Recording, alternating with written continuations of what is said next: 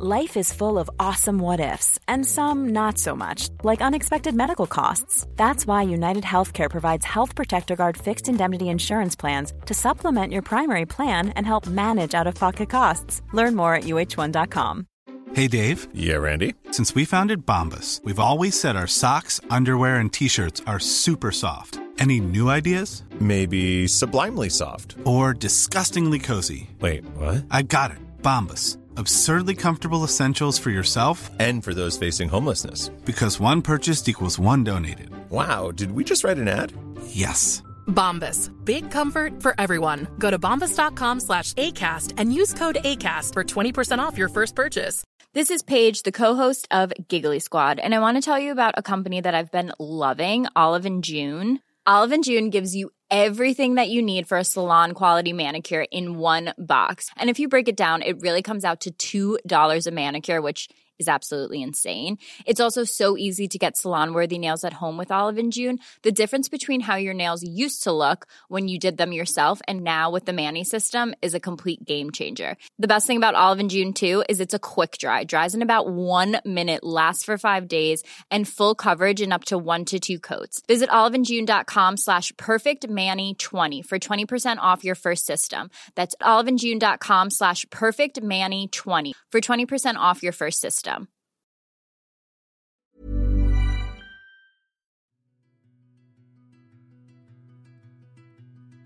Hej och varmt välkomna till podden Sorgsnack. Det här är en podd som berör allt som har med sorg och förluster att göra. När livet inte blev som vi hade tänkt. När något oväntat händer och hela ens liv vänds upp och ner över en dag. Och när vi tvingas ta farväl av någon vi älskar. Min förhoppning är att genom podden bidra till att hjälpa andra människor, utbilda och sprida kunskap. Jag som gör podden heter Lia, är journalist i grunden och även certifierad handledare i sorgbearbetning. Idén till podden föddes ett år efter att jag förlorade mitt första barn. Det var början på mitt nya liv. Livet som nybliven mamma och samtidigt änglamamma.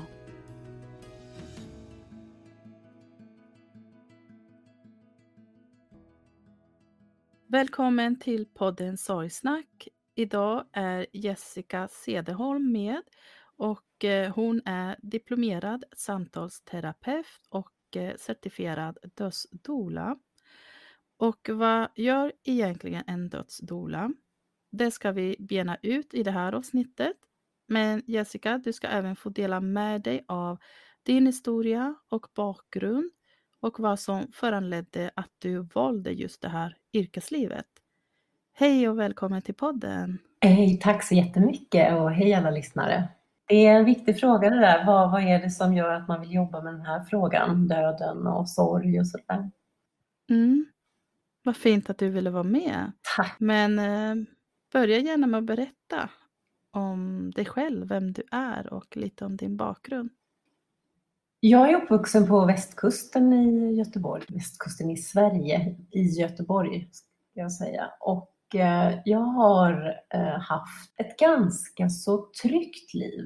Ehm, jag har självklart varit med om en massa saker eh, som ju alla människor är med om, olika sår och trauman och sådär. Men jag, så länge jag kan minnas egentligen så har jag varit nyfiken på döden. Och, och jag säger det att jag har haft liksom en trygg bakgrund. Jag tror att det är delvis det som har gjort att jag har kunnat eh, bli nyfiken på döden för att det inte har skrämt mig. Jag har inte varit med om som barn om så väldigt, väldigt hemska saker utan ganska tidigt var jag nyfiken på döden utifrån det perspektivet att när min hamster dog så var jag lite fascinerad över att eh, att livet helt plötsligt bara slutade vara och det blev ju såklart eh, jättefina eh, ceremonier och ritualer runt begravning av den här lilla hamsten och sådär. Och, och det var som att det var, det var något naturligt med det, upplevde jag inom mig. Att eh, livet tog slut och, och som, eh, som sörjande medmänniska så ville jag skapa ritualer. Jag hade aldrig varit på en begravning själv sådär. Men det är, liksom, det, det är liksom mitt första minne av viktigt. Eh, sen så ramlade ju livet på och eh, åren gick och jag hade eh, en eh, fantastisk mamma som när jag var 13 år eh, fick cancer. Och hon överlevde då. Men det blev ju mycket frågor runt, kommer mamma fortsätta leva? Och oro runt det. Och även detta togs om hand på ett ganska tryggt och, och ska man säga, eh, ja, vi pratade en del om det och, och, det kändes inte liksom läskigt på något vis. Men sen började jag upptäcka att människor ryggade tillbaka för döden när jag nämnde det här att våran våran hamster har dött eller våran katt har dött eller ja, mamma är sjuk. Och jag såg att människor generellt blev väldigt förfärade när de fick höra detta. Och det gjorde mig också lite nyfiken. Så här, vad är det som gör att man blir så förfärad? Och, ja, jag hade ju en liten annan ingång i det hela. När jag var 40 så eh, fick min mamma cancer för andra gången och då klarade hon inte sig. Eh, då fick jag tillfälle att vara med henne på hospice under en hel sommar. Och eh, med allt vad det innebär. Ett hospice det är ju en plats där man får tillbringa ja, sin tid i livets slutskede helt enkelt. Och eh, det är en otroligt läkande plats. Den är väldigt eh, individfokuserad, det vill säga att man fokuserar på att eh, smärtlindra och man fokuserar på gästen som bor där, den enskilda individens behov och önskemål. Eh, och det finns, eh, det, det, är så långt ifrån sjukhus man kan komma. Det är otroligt vackert och en väldigt, väldigt fin plats. Och under den perioden så kom jag i kontakt med väldigt många utav människorna som arbetade på hospicet och, och blev väldigt, väldigt eh, imponerad av hur de, eh, hur de jobbade, hur de bemötte människor och sådär. Och precis bara ett år efteråt, eh, efter att min mamma hade dött, så blev jag själv. Eh, och då blev det ju en, eh, en fråga som handlade om mig. Ska jag överleva det här? Till min stora förvåning blev inte rädd, utan jag drabbades av sorg. Jag blev väldigt sorgsen. Det här blev för mig en, en ytterligare, jag är en nyfiken människa, så att jag, jag blev verkligen förvånad över att jag inte blev rädd utan att jag kände sorg. Och jag ville veta varför det var så, helt enkelt. Så där, eh, när jag blev frisk så utbildade jag mig till handledare i sorg och förlust. Och sen så utbildade jag mig till samtalsterapeut, en femårig utbildning. Så ungefär så gick det till i väldigt, väldigt korta drag hur, varför jag jobbar som jag jobbar idag som samtalsterapeut och dödsstola. Mm. Men vad skulle du säga var det svåraste när din mamma drabbades då av cancer för andra gången? Ja, jag var på en plats i livet där jag, mitt liv gick väldigt fort. Eh, jag hade väldigt mycket i min karriär. Eh, jag, hade, jag var ensamstående med barn och eh, för mig handlade det om att hålla lite näsan ovanför över ytan helt enkelt. För att få allt att funka och att hinna med att vara med mamma på hospicet och hinna med hämtning och lämning och jobb och allting sånt där. Jag har också ett arbete som är väldigt, väldigt ostrukturerat. Jag jobbar med filminspelning på den tiden och det varje dag är olika och det är olika tider och man jobbar jättelånga dagar och sådär. Så att det som jag upplevde då, det var nog mest att jag var väldigt, väldigt praktiskt inriktad och väldigt, väldigt lite känslomässigt reflekterande.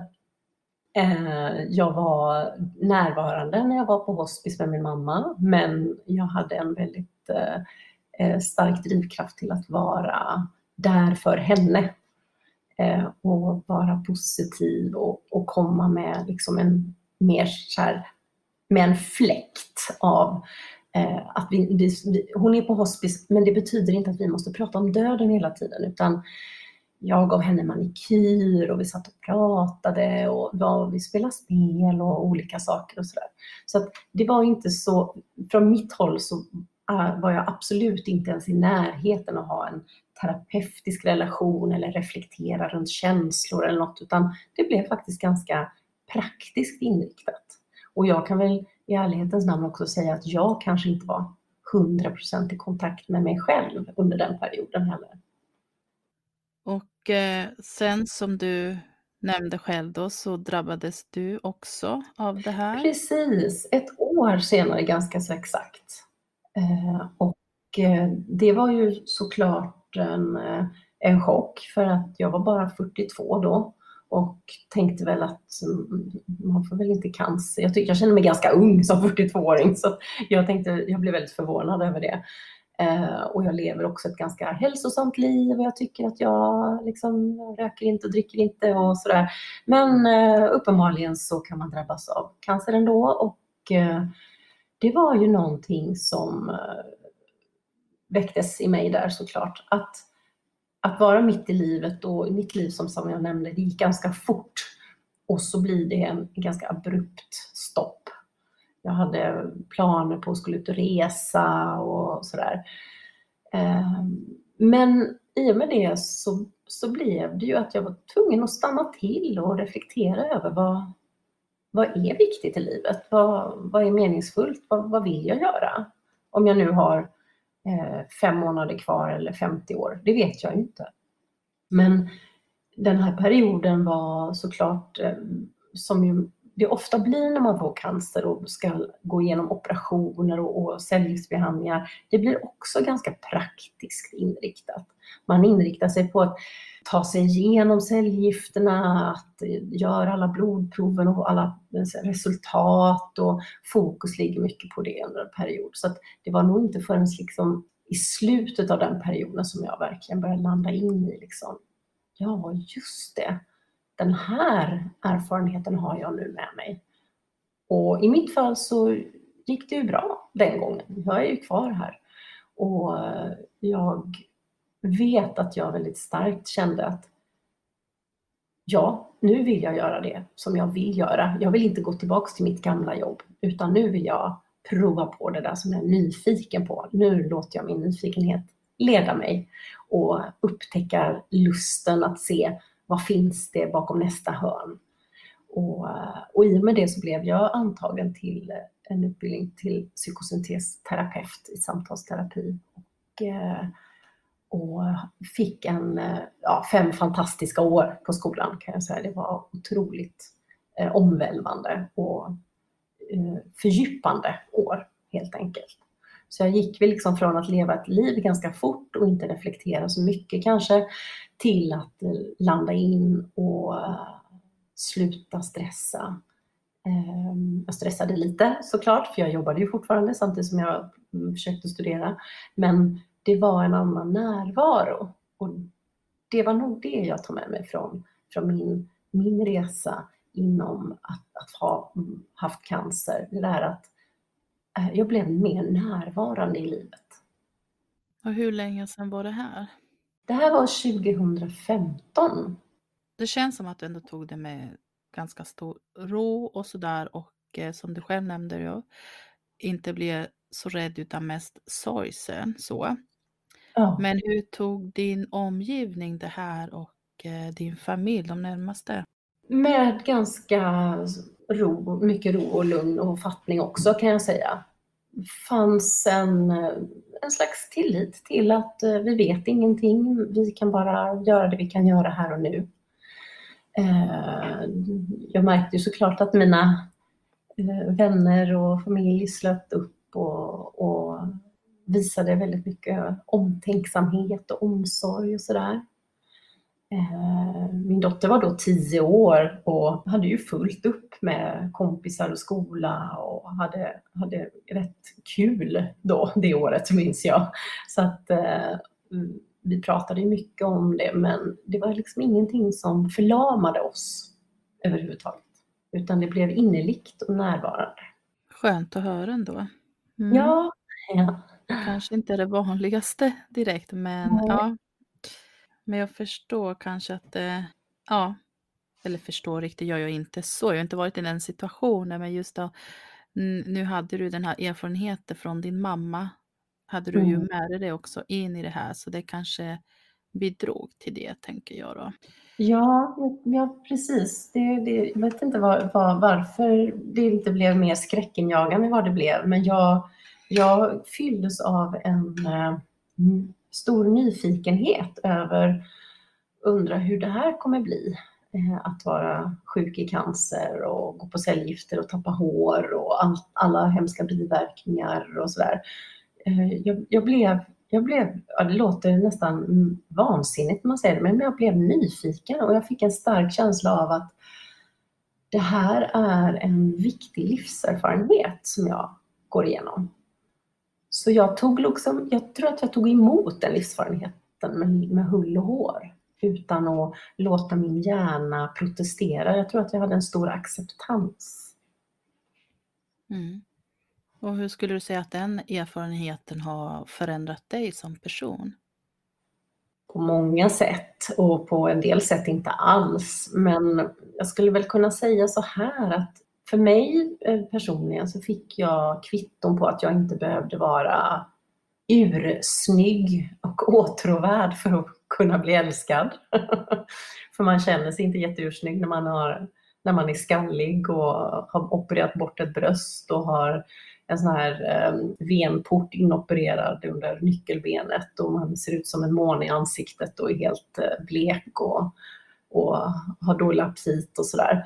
Eh, men jag fick så mycket kärlek under den perioden och det, det var nog eh, en, av, en av de absolut viktigaste erfarenheterna. Att det spelar liksom ingen roll det där yttre och med yttre menar jag inte bara utseende utan jag menar hur man är som person jag behövde inte vara tillmötesgående och trevlig och briljant och, och bländande utan jag kunde faktiskt vara väldigt trött och ha en ganska låg energinivå och sådär och jag blev väldigt liksom fint och kärleksfullt eh, bemött av alla i min närhet.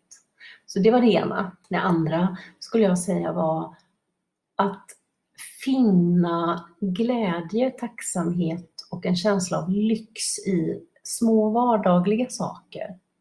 Idag kan jag liksom vakna på morgonen och gå upp och hälla upp ett glas kallt vatten och så blir jag liksom nästan, jag blir så förundrad, jag blir så full av tacksamhet och förundran över att, att det här kalla glaset vatten som, som eh, pärlar och, och är så rent och att jag får dricka det här i solskenet på morgonen. Alltså, Sådana små saker har jag blivit liksom oerhört medveten om.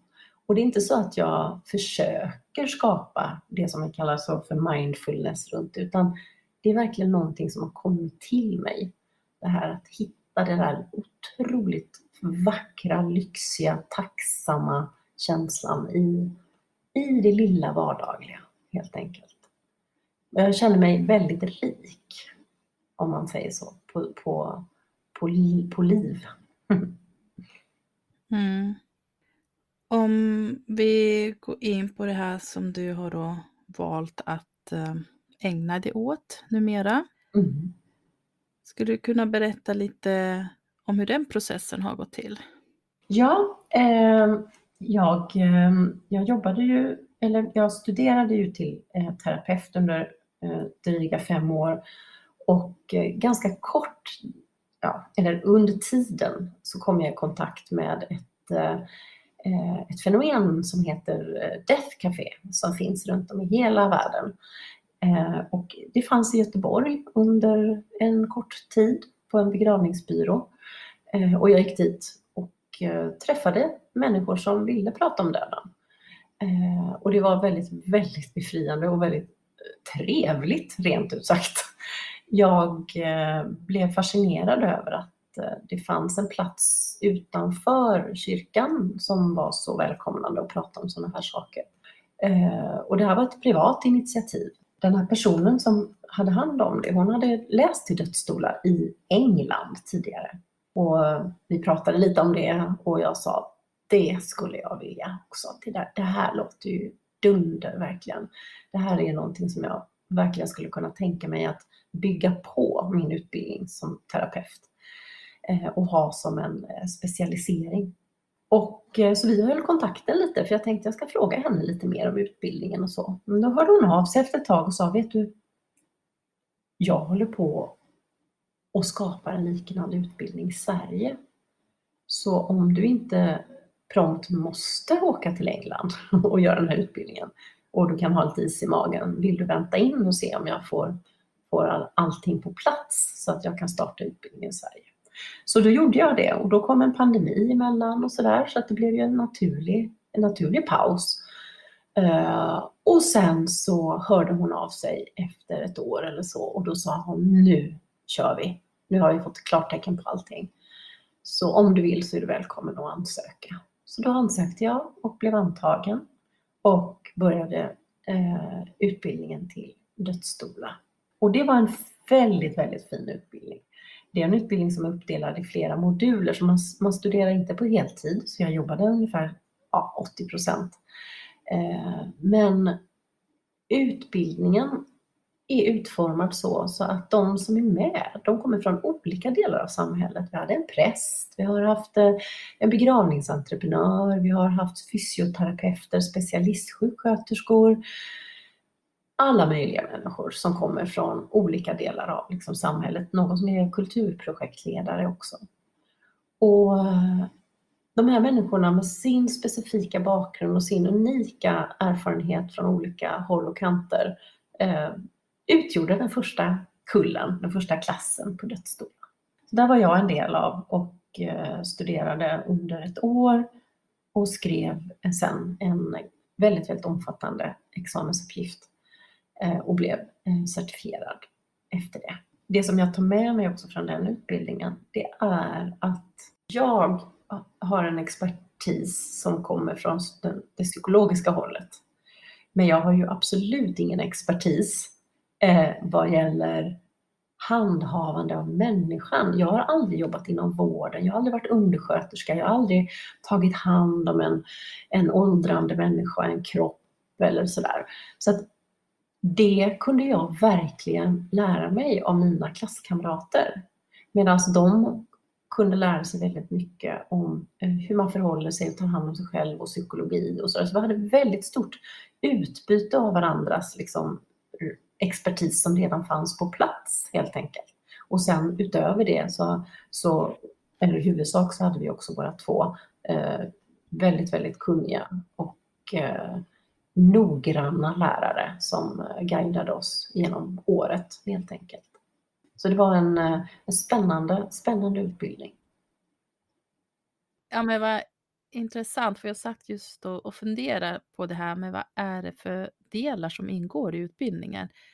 Alltså vad man får lära sig i, i det här som du var inne lite på med omhändertagande av andra människor. Hur gör man för att just möta människor som befinner sig i livets slutskede? Hur kan man förbereda sig för det? Mm. Hur mycket sånt utbildning ingår det? Ja, men precis. Jag ska säga så här att för att möta människor i livets slutskede så måste man först ha, ha kunnat möta sig själv i de frågorna.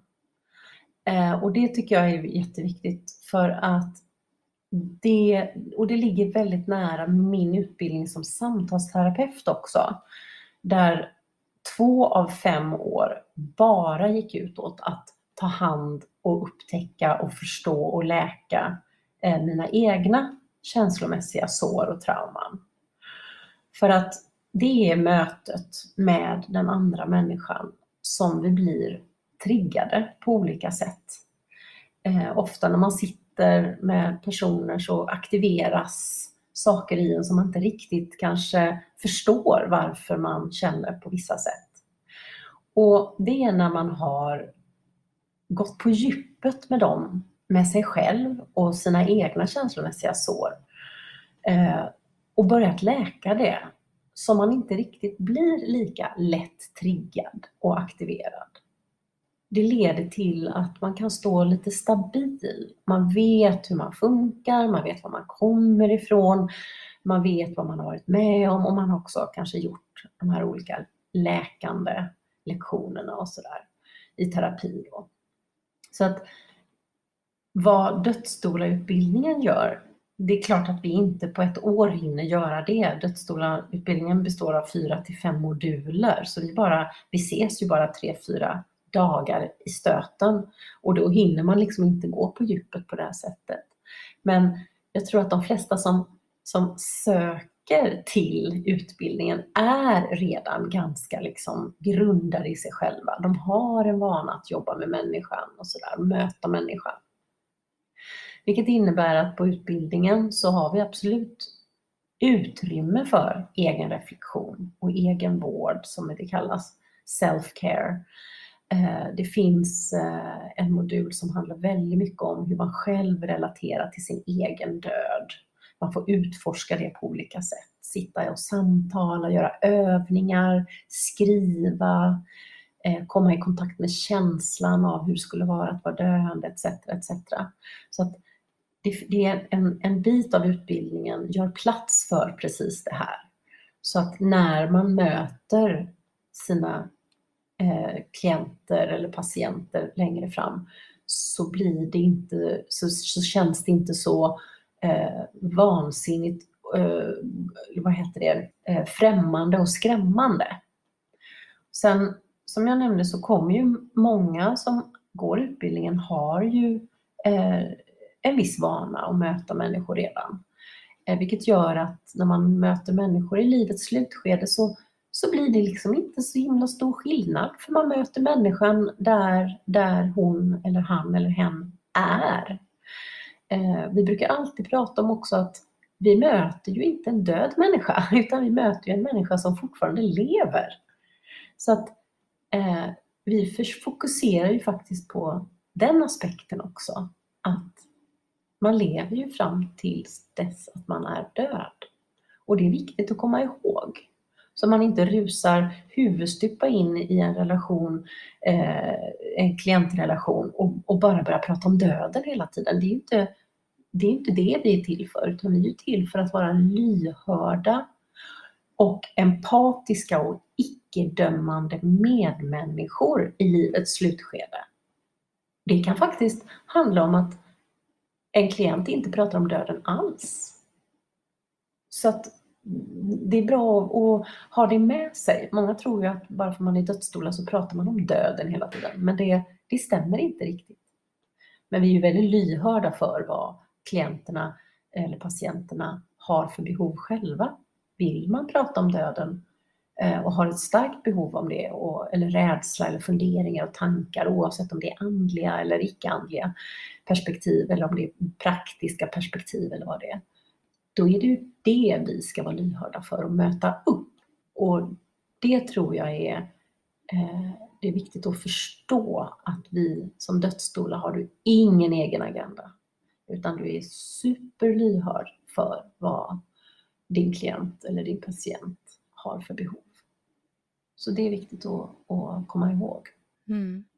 Och hur kan ett sådant möte gå till rent praktiskt? Ja, alltså det, det, finns ju lika många varianter på möten som det finns människor på jordklotet skulle jag säga. Eh, men om jag bara eh, lite blandar och ger från min egen erfarenhet. Inte, jag har ju sekretess så jag får ju inte berätta rakt av liksom, så här gick det till när jag träffade den och den. Men jag kan liksom göra upp ett ett litet scenario som är troligt. Det är efter att man har träffats första gången, första mötet, när man liksom bestämmer omfattningen och behov och sådär.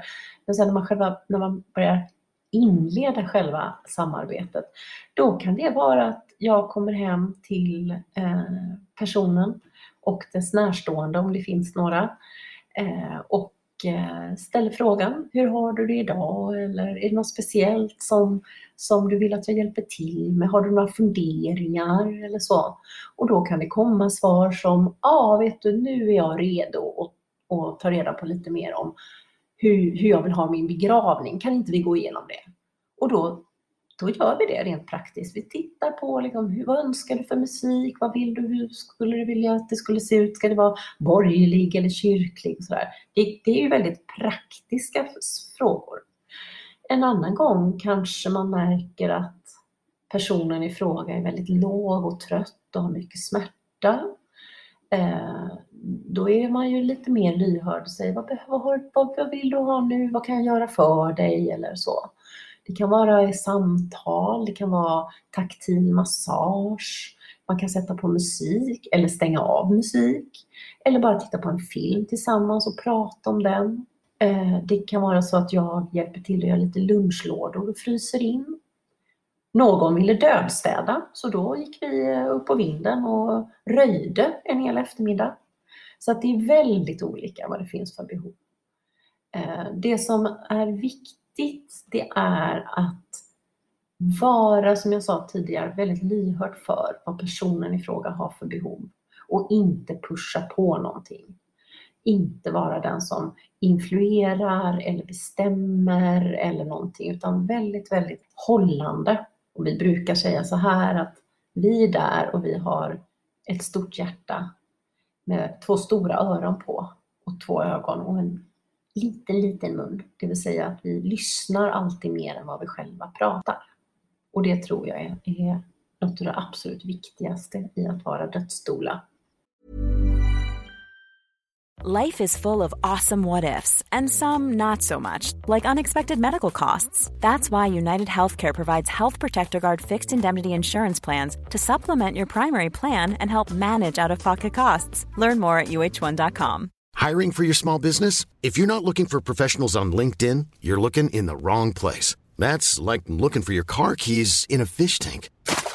LinkedIn helps you hire professionals you can't find anywhere else, even those who aren't actively searching for a new job but might be open to the perfect role. In a given month, over 70% of LinkedIn users don't even visit other leading job sites. So start looking in the right place. With LinkedIn, you can hire professionals like a professional. Post your free job on linkedin.com slash people today. Exakt hur länge hade du jobbat med det nu? Jag blev klar i, vid årsskiftet, så att det är inte länge. Okej. Okay. Mm. Och hur många möten har du hunnit ha på ett ungefär? Jag har ju jobbat med både närstående och döende. Eh, ibland så blir man ju anlitad av döende eh, bara. Eh, ibland så blir man anlitad av närstående eh, utan att den döende har något behov. Och då har jag stöttat närstående också. Så nu har det blivit sammanlagt fem personer, eller fem fall eller fem, fem uppdrag skulle jag säga. Jag förstår. Mm. Men vad skulle du säga att um, vad har varit svårast med ditt jobb hittills? Eh, ja, jättebra fråga. Vad har varit svårast med mitt jobb hittills? Jag är ju väldigt van att sitta med klienter på min mottagning i vanlig terapi. I vanlig terapi så kommer människor som väldigt, väldigt gärna vill komma i kontakt med sina känslomässiga sår, kartlägga, förstå, skapa relation, läka, eh, arbeta igenom känslomässigt och eh, hitta en slags eh, eh, känsla av eh, att bli mer hel och stabil och fri och sådär. Eh, när man jobbar med döende så är det det sista vi gör. och det var det som jag eh, upptäckte under utbildningen att även om jag är väldigt eh, bekväm med att möta människor och jag känner mig trygg i sammanhang som kanske inte alltid är så trygga när människor är ledsna och oroliga och sådär. Men jag känner mig trygg och stabil. Ehm, men som dödsdola så jobbar du ju inte terapeutiskt på samma sätt. Det är ju inte eh, så att jag kommer in och, och vi rullar upp eh, ärmarna och säger ja, vad är det för känslomässiga sår och trauman vi ska ta hand om här så du kan dö i lugn och ro. Sådär. Utan man får vara oerhört eh, mycket, mycket mer lågmäld och eh, inte ha en agenda att den här personen måste vara, ha läkt alla sina liksom, emotionella trauman innan den ska dö. Utan det handlar om att göra personens liv så värdigt och drägligt som möjligt fram tills att den dagen döden inträffar. Eh, så för mig så har det varit lite eh, att skifta lite mindset i eh, vad jag för till bordet som terapeut och vad jag för till bordet som dödsdoula. Det är lite två, två lite olika saker faktiskt. Även om man på båda, eh, på båda platserna möter människor på något sätt i, i känslor. Det gör vi. Och jag tänker att eh, det här yrket ändå ganska nytt. Att alla där ute inte har riktigt koll på det, det här med dödsdola. Men det har ju inte funnits så länge. Nej. Så om någon har intresse av det, bör man tänka på för att förbereda sig så gott det går? Ja, man, för det första så ska man liksom tänka på om man har behov för en, eh, en person som jobbar som dödsstola överhuvudtaget. Eller om man känner att man har den funktionen inbyggt i sina nära och kära. Eller om det är så att man gemensamt i familjen bestämmer att vi känner oss trygga med varann och vi är lyhörda med varann. Men vi skulle vilja öppna upp för ytterligare en slags stödperson. Så att lite först och främst känna av, sådär, är, eh, är jag, är jag okej ändå eller kan det tillföra någonting? Eh, vill jag? Vill jag det här överhuvudtaget? Eh, så är man eh, osäker så kan man ju alltid eh, ringa och fråga och be om ett möte. Eller man kan eh, eh, känna efter om vilka frågor går jag och bär på som jag känner att jag kanske inte eh, vågar eller kan prata om med någon i min närhet och sådär. För att eh, som dödsdoula så är vi ju inte lika emotionellt drabbade som den döendes närstående är. Så vi kan ju ha en liten annan eh, stabil och kanske lite mer neutral bemötande. Eh, det här gäller ju verkligen inte för alla men många som, som har fått en, till exempel en diagnos att de är döende, de vill ju inte oroa sina nära och närstående utan man kanske sätter på sig en, en, en, en tapperhet eller, eller så. Och, det, och, man kan ta lite för mycket ansvar kanske. Eh, och det behöver man inte göra med en dödsstola. Vi, vi klarar oss, vi har det bra. Man, man kan vara precis där man är och, och behöver inte ta ansvar för hur dödsstolen känner eller inte känner. Så att man behöver fundera lite runt sådana frågor. Eh, och jag tror att anledningen till att eh, människor kanske, kanske är lite osäkra på det här idag, det är ju som du nämner att det här är ett ganska nytt yrke i Sverige. Eh, det är lite vanligare utomlands. Däremot så har det inte alltid varit ovanligt i Sverige, utan det kanske har varit ovanligt de sista 80 till 100 åren. Innan det så hade vi ju en helt annan och mycket, mycket närmare relation med döden i vårt samhälle och mellan individer. Så då fanns det, då fanns det liksom nästan naturligt inbyggt eh, i våra familjesystem och sådär. Men det har ju hänt så mycket med vårt samhälle de sista hundra åren och industrialiseringen och eh, hela den här processen runt döden har blivit professionaliserad och mm, man möter inte döden speciellt mycket idag. Och därför så tror jag att, eh, att, att dödsstolen kan fylla en viktig funktion igen. Men jag ska, vill verkligen påpeka det att det här är liksom inget jättenytt utan det är kanske det att det har återkommit igen. Men många uppfattar det som väldigt nytt för att eh, det är väldigt få av oss som levde för 100-200 år sedan. Mm. Ja, ja men precis. Intressant. Det hade jag verkligen ingen aning om att det var kanske mer vanligt då för 80 till 100 år sedan. Mm. Ja, men där ser man.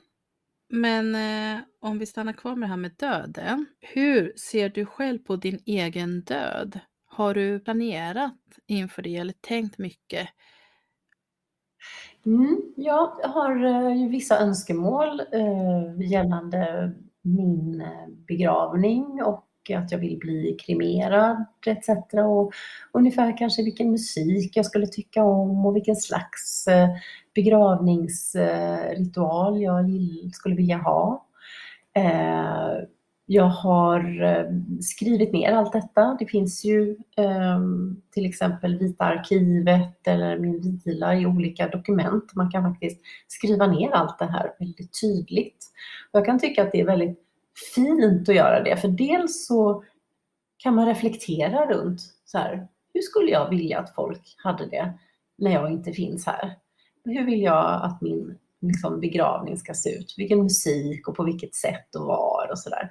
Men också som en guide till de efterlevande så att det inte behöver bli en massa gissande eller konflikter eller, eller att man lämnar folk i att bara ta hand om det vind för våg. Utan ja, jättefint att kunna ha en liten, eh, en liten idé. Man behöver ju heller inte detaljstyra, men man kan, man kan ju skriva så mycket som man kan och vill. Jag, jag, jag har ju gjort en egen spellista då, så, så, så långt går jag.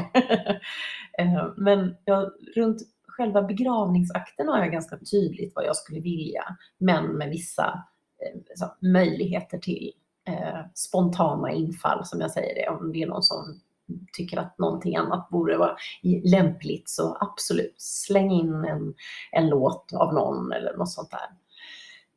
Um, och jag tycker att det är lite, jag tycker att det är en fin övning att tänka, jag brukar ha det i mina, eh, jag har en verksamhet som heter Dödensnacket som eh, är ett gruppsamtal som går av stapeln en gång i månaden. Och lite då och då så brukar vi ha Eh, en övning som gäller precis det här, där man får liksom reflektera runt sin egen begravning och sådär. Det brukar bli en ganska uppsluppen stämning kan jag säga. Och de här grupperna är ju eh, de är inte slutna utan det är nya människor som kommer varje gång. Det är öppna, öppna samtalscirklar. Så att det, det, blir, det blir olika tankar och idéer runt detta varje gång. Och, och eh, jag har faktiskt också justerat min egen begravning efter några av de här samtalen för att jag blev så inspirerad av andras roliga idéer och sådär. Eh, personligen så när min mamma begravdes så hade vi en, en borgerlig begravningsakt eh, som jag tog hand om och, och bjöd in eh, människor som pratade och sådär. Men sen hade vi inte, vi hade ingen mottagning efteråt utan vi hade en stor härlig fest på hennes gamla eh, Ehm, hennes gamla eh, arbetsplats på Folkteatern i Göteborg. Med mycket musik och, och kallskuret och rödvin och det var roliga snack och folk som sjöng och dikter och sådär. Så eh, jag skulle säga att den festen var nästan en av de bästa festerna jag har varit på i hela mitt liv. så så kan det också gå till. Nu är frågan om hur jag tänker runt min egen död. Och jag har ju min egen tro till exempel, som, som är min personliga tro. Eh, och eh, med det sagt så kan man ju inte veta, utan en tro är just en tro. Eh, men det kan ju också bli så att eh, min tro inte stämmer, utan det kan bli så att det bara blir svart, att man blir ett icke-medvetande. Eh, och då tänker jag lite sådär, ja, det finns två scenarion i min värld. Förmodligen. Det ena är att allting blir svart, man har inget medvetande om att det ens blir svart. Det är som att liksom bara någon drar ur pluggen. Och då tänker jag, ja det, det är ju inte så himla dåligt för då behöver man ju inte lida. Och det andra scenariot det är min tro att, eh, att medvetandet på något sätt fortsätter och försvinner eh, till, eh, till en plats där man tittar på Eh, vilka lektioner och vad har jag lärt mig av det här livet och sådär. Eh, och då är det också fantastiskt att få uppleva det. Så jag tänker liksom att den dagen jag ligger för döden eller eh, dör så tror jag inte att jag kommer vara orolig eller rädd utan jag kommer vara oerhört nyfiken på vilket utav dem det blir helt enkelt. Och sen det som är smärtsamt med att dö, det är ju Eh, det är ju att dö när man känner att man inte har hunnit med det man vill. Och det tänker jag att du kanske möter mycket det här med sorg och sådär när, när saker och ting är prematurt, när det är för tidigt. Eh, när man inte när man inte har hunnit göra allt det där som man hade, när, det när man är mitt i klivet eller mitt i livet och sådär. Och den känslan att, att inte ha hunnit klart, den tror jag inte jag har så mycket med ålder att göra, utan den har mer med vad har jag hunnit göra i mitt liv? Eh, man kan vara 70 år och känna att man inte hunnit klart. Man kan vara 90 år och känna att man inte har hunnit klart. Eh, likväl som man kan vara 55 och känna att jag är så färdig med det här livet nu. nu. Nu har jag gjort allt jag vill och lite till. Så att jag tror att det är viktigt också att medans vi lever passa på att vara så lyhörd för vad, vad, vad, är det som är meningsfullt i mitt liv? Vad är det jag längtar efter? Vad är det som vad, jag tycker är, vad är det jag tycker är roligt och spännande? Och försöka försöka fokusera på det snarare. Då tror jag att det är den dagen man dör, att det faktiskt är lite lättare att släppa taget. Så tänker jag. Jo men absolut, det tror jag nog också faktiskt. Mm. Ja. Så att det enda vi kan vara säkra på är just att vi alla kommer att dö någon dag. Så det behöver vi ju verkligen prata om. Och det borde vi börja mycket tidigare, redan skolåldern. Ja, jag brukar säga så här att eh, många som säger att döden är orättvis och att det, människor inte borde dö och det är ofattbart och sådär. Så brukar jag ställa, jag brukar säga två saker. Jag brukar säga Tänk ett scenario där vi lever i en värld där ingen någonsin har behövt dö. Någonsin. Alltså alla som någonsin har fötts fortsätter att leva för evigt och evigt. Djur och människor. Vad skulle det vara för en plats? Jag tror att den platsen skulle vara ganska vidrig att vara på. Eh, väldigt överbefolkad framförallt. Eh, och eh, full av trängsel och eh, kriser.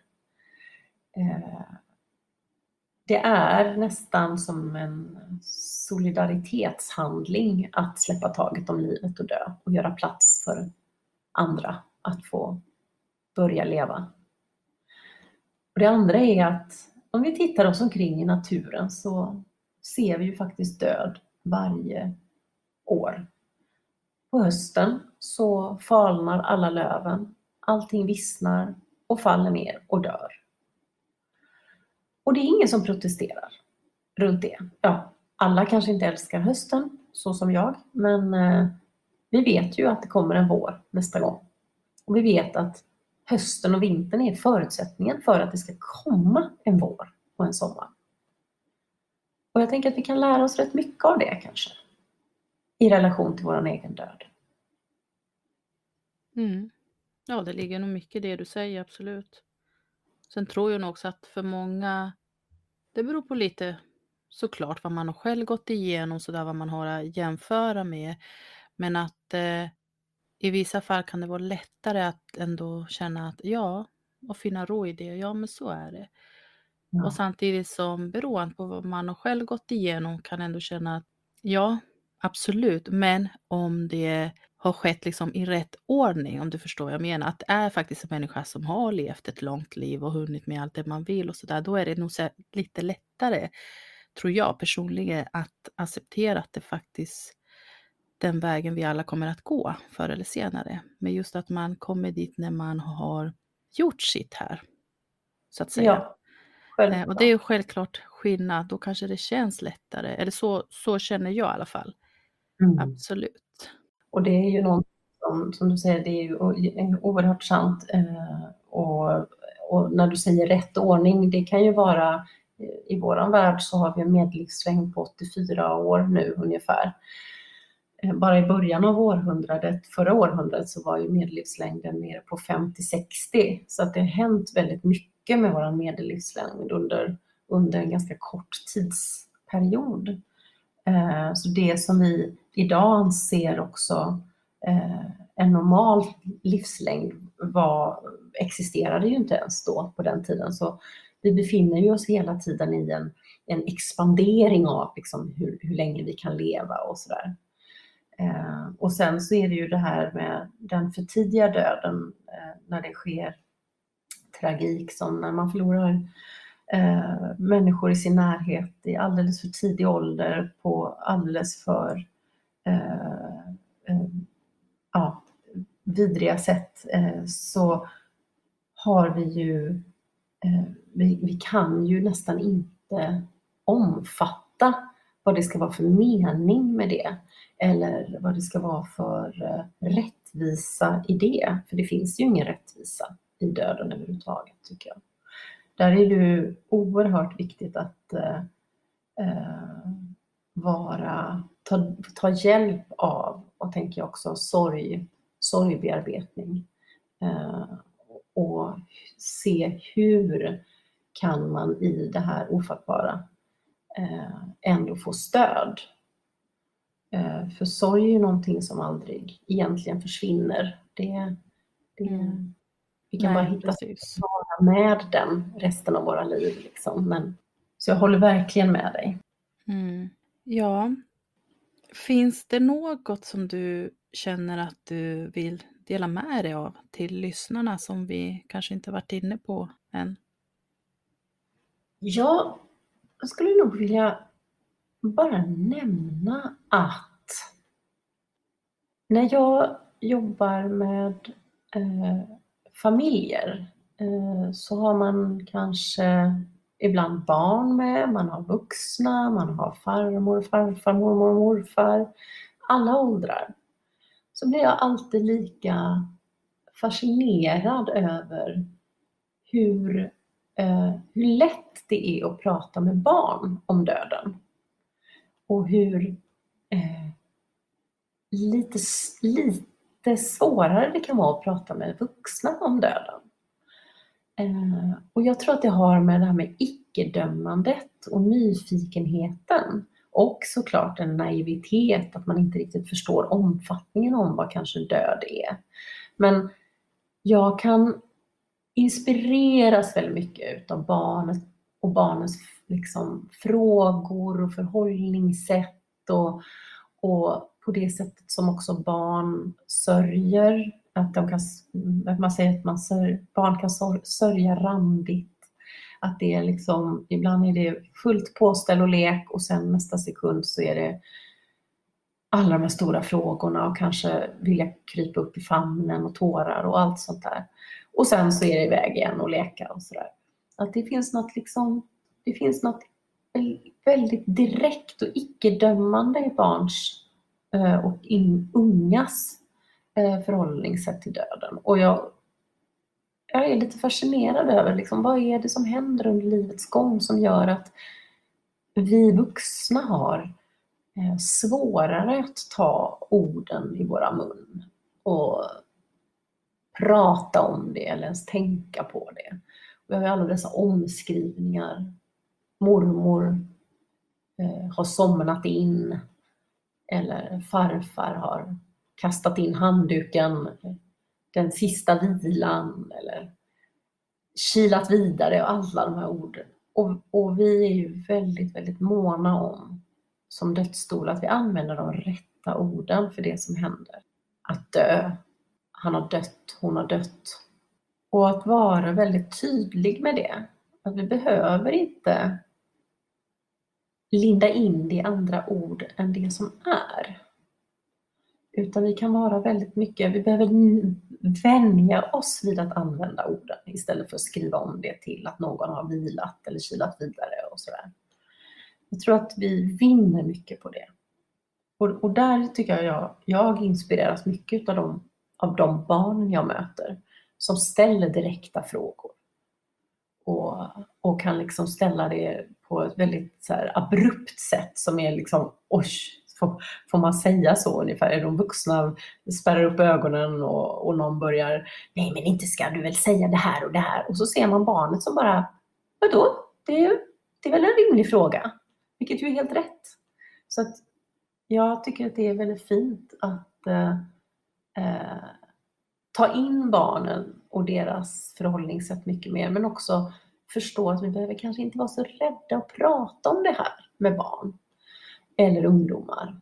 Utan kanske att prata om det på ett eh, ärligt men eh, omtänksamt sätt tidigt gör att vi också kan ha en, eh, ett, ett bättre förhållande till eh, döden senare i livet. Jag tror ju liksom inte riktigt att man kan bli vän med döden någonsin. Men jag tror att man kan vänja sig vid tanken om man pratar om det på rätt sätt eh, genom livet. Eh, så när den dagen kommer, när man själv eh, ligger inför döden eller har någon man älskar som står nära som ligger inför döden, så är inte det första gången man reflekterar runt de här känslorna och tanke, tankarna, utan man har redan gjort det. Och då kan man vara närvarande på ett helt annat sätt. Så tänker jag. Tack för dina fina och framförallt kloka ord.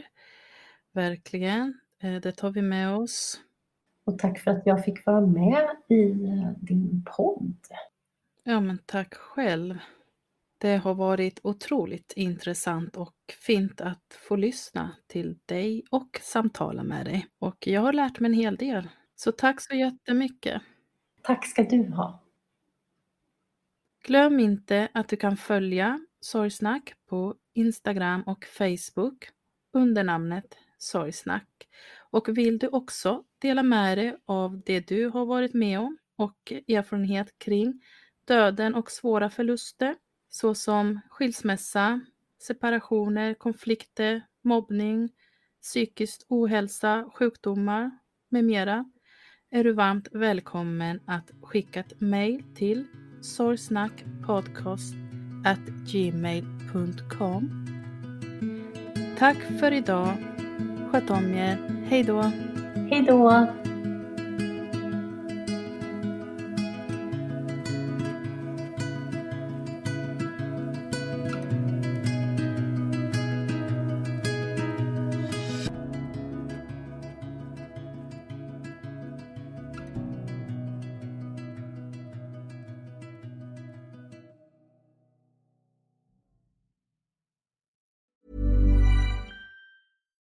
Why don't more infant formula companies use organic, grass fed whole milk instead of skim? Why don't more infant formula companies use the latest breast milk science? Why don't more infant formula companies run their own clinical trials? Why don't more infant formula companies use more of the proteins found in breast milk? Why don't more infant formula companies have their own factories instead of outsourcing their manufacturing? We wondered the same thing. So we made ByHeart, a better formula for formula. Learn more at byheart.com. Hey, it's Danny Pellegrino from Everything Iconic. Ready to upgrade your style game without blowing your budget? Check out Quince. They've got all the good stuff shirts and polos, activewear, and fine leather goods, all at 50 to 80% less than other high end brands. And the best part? They're all about safe, ethical, and responsible manufacturing. Get that luxury vibe without the luxury price tag. Hit up quince.com slash upgrade for free shipping and 365 day returns on your next order. That's quince.com slash upgrade. When you make decisions for your company, you look for the no brainers. If you have a lot of mailing to do, stamps.com is the ultimate no brainer. Use the stamps.com mobile app to mail everything you need to keep your business running with up to 89% off USPS and UPS. Make the same no-brainer decision as over 1 million other businesses with stamps.com. Use code program for a special offer. That's stamps.com, code program.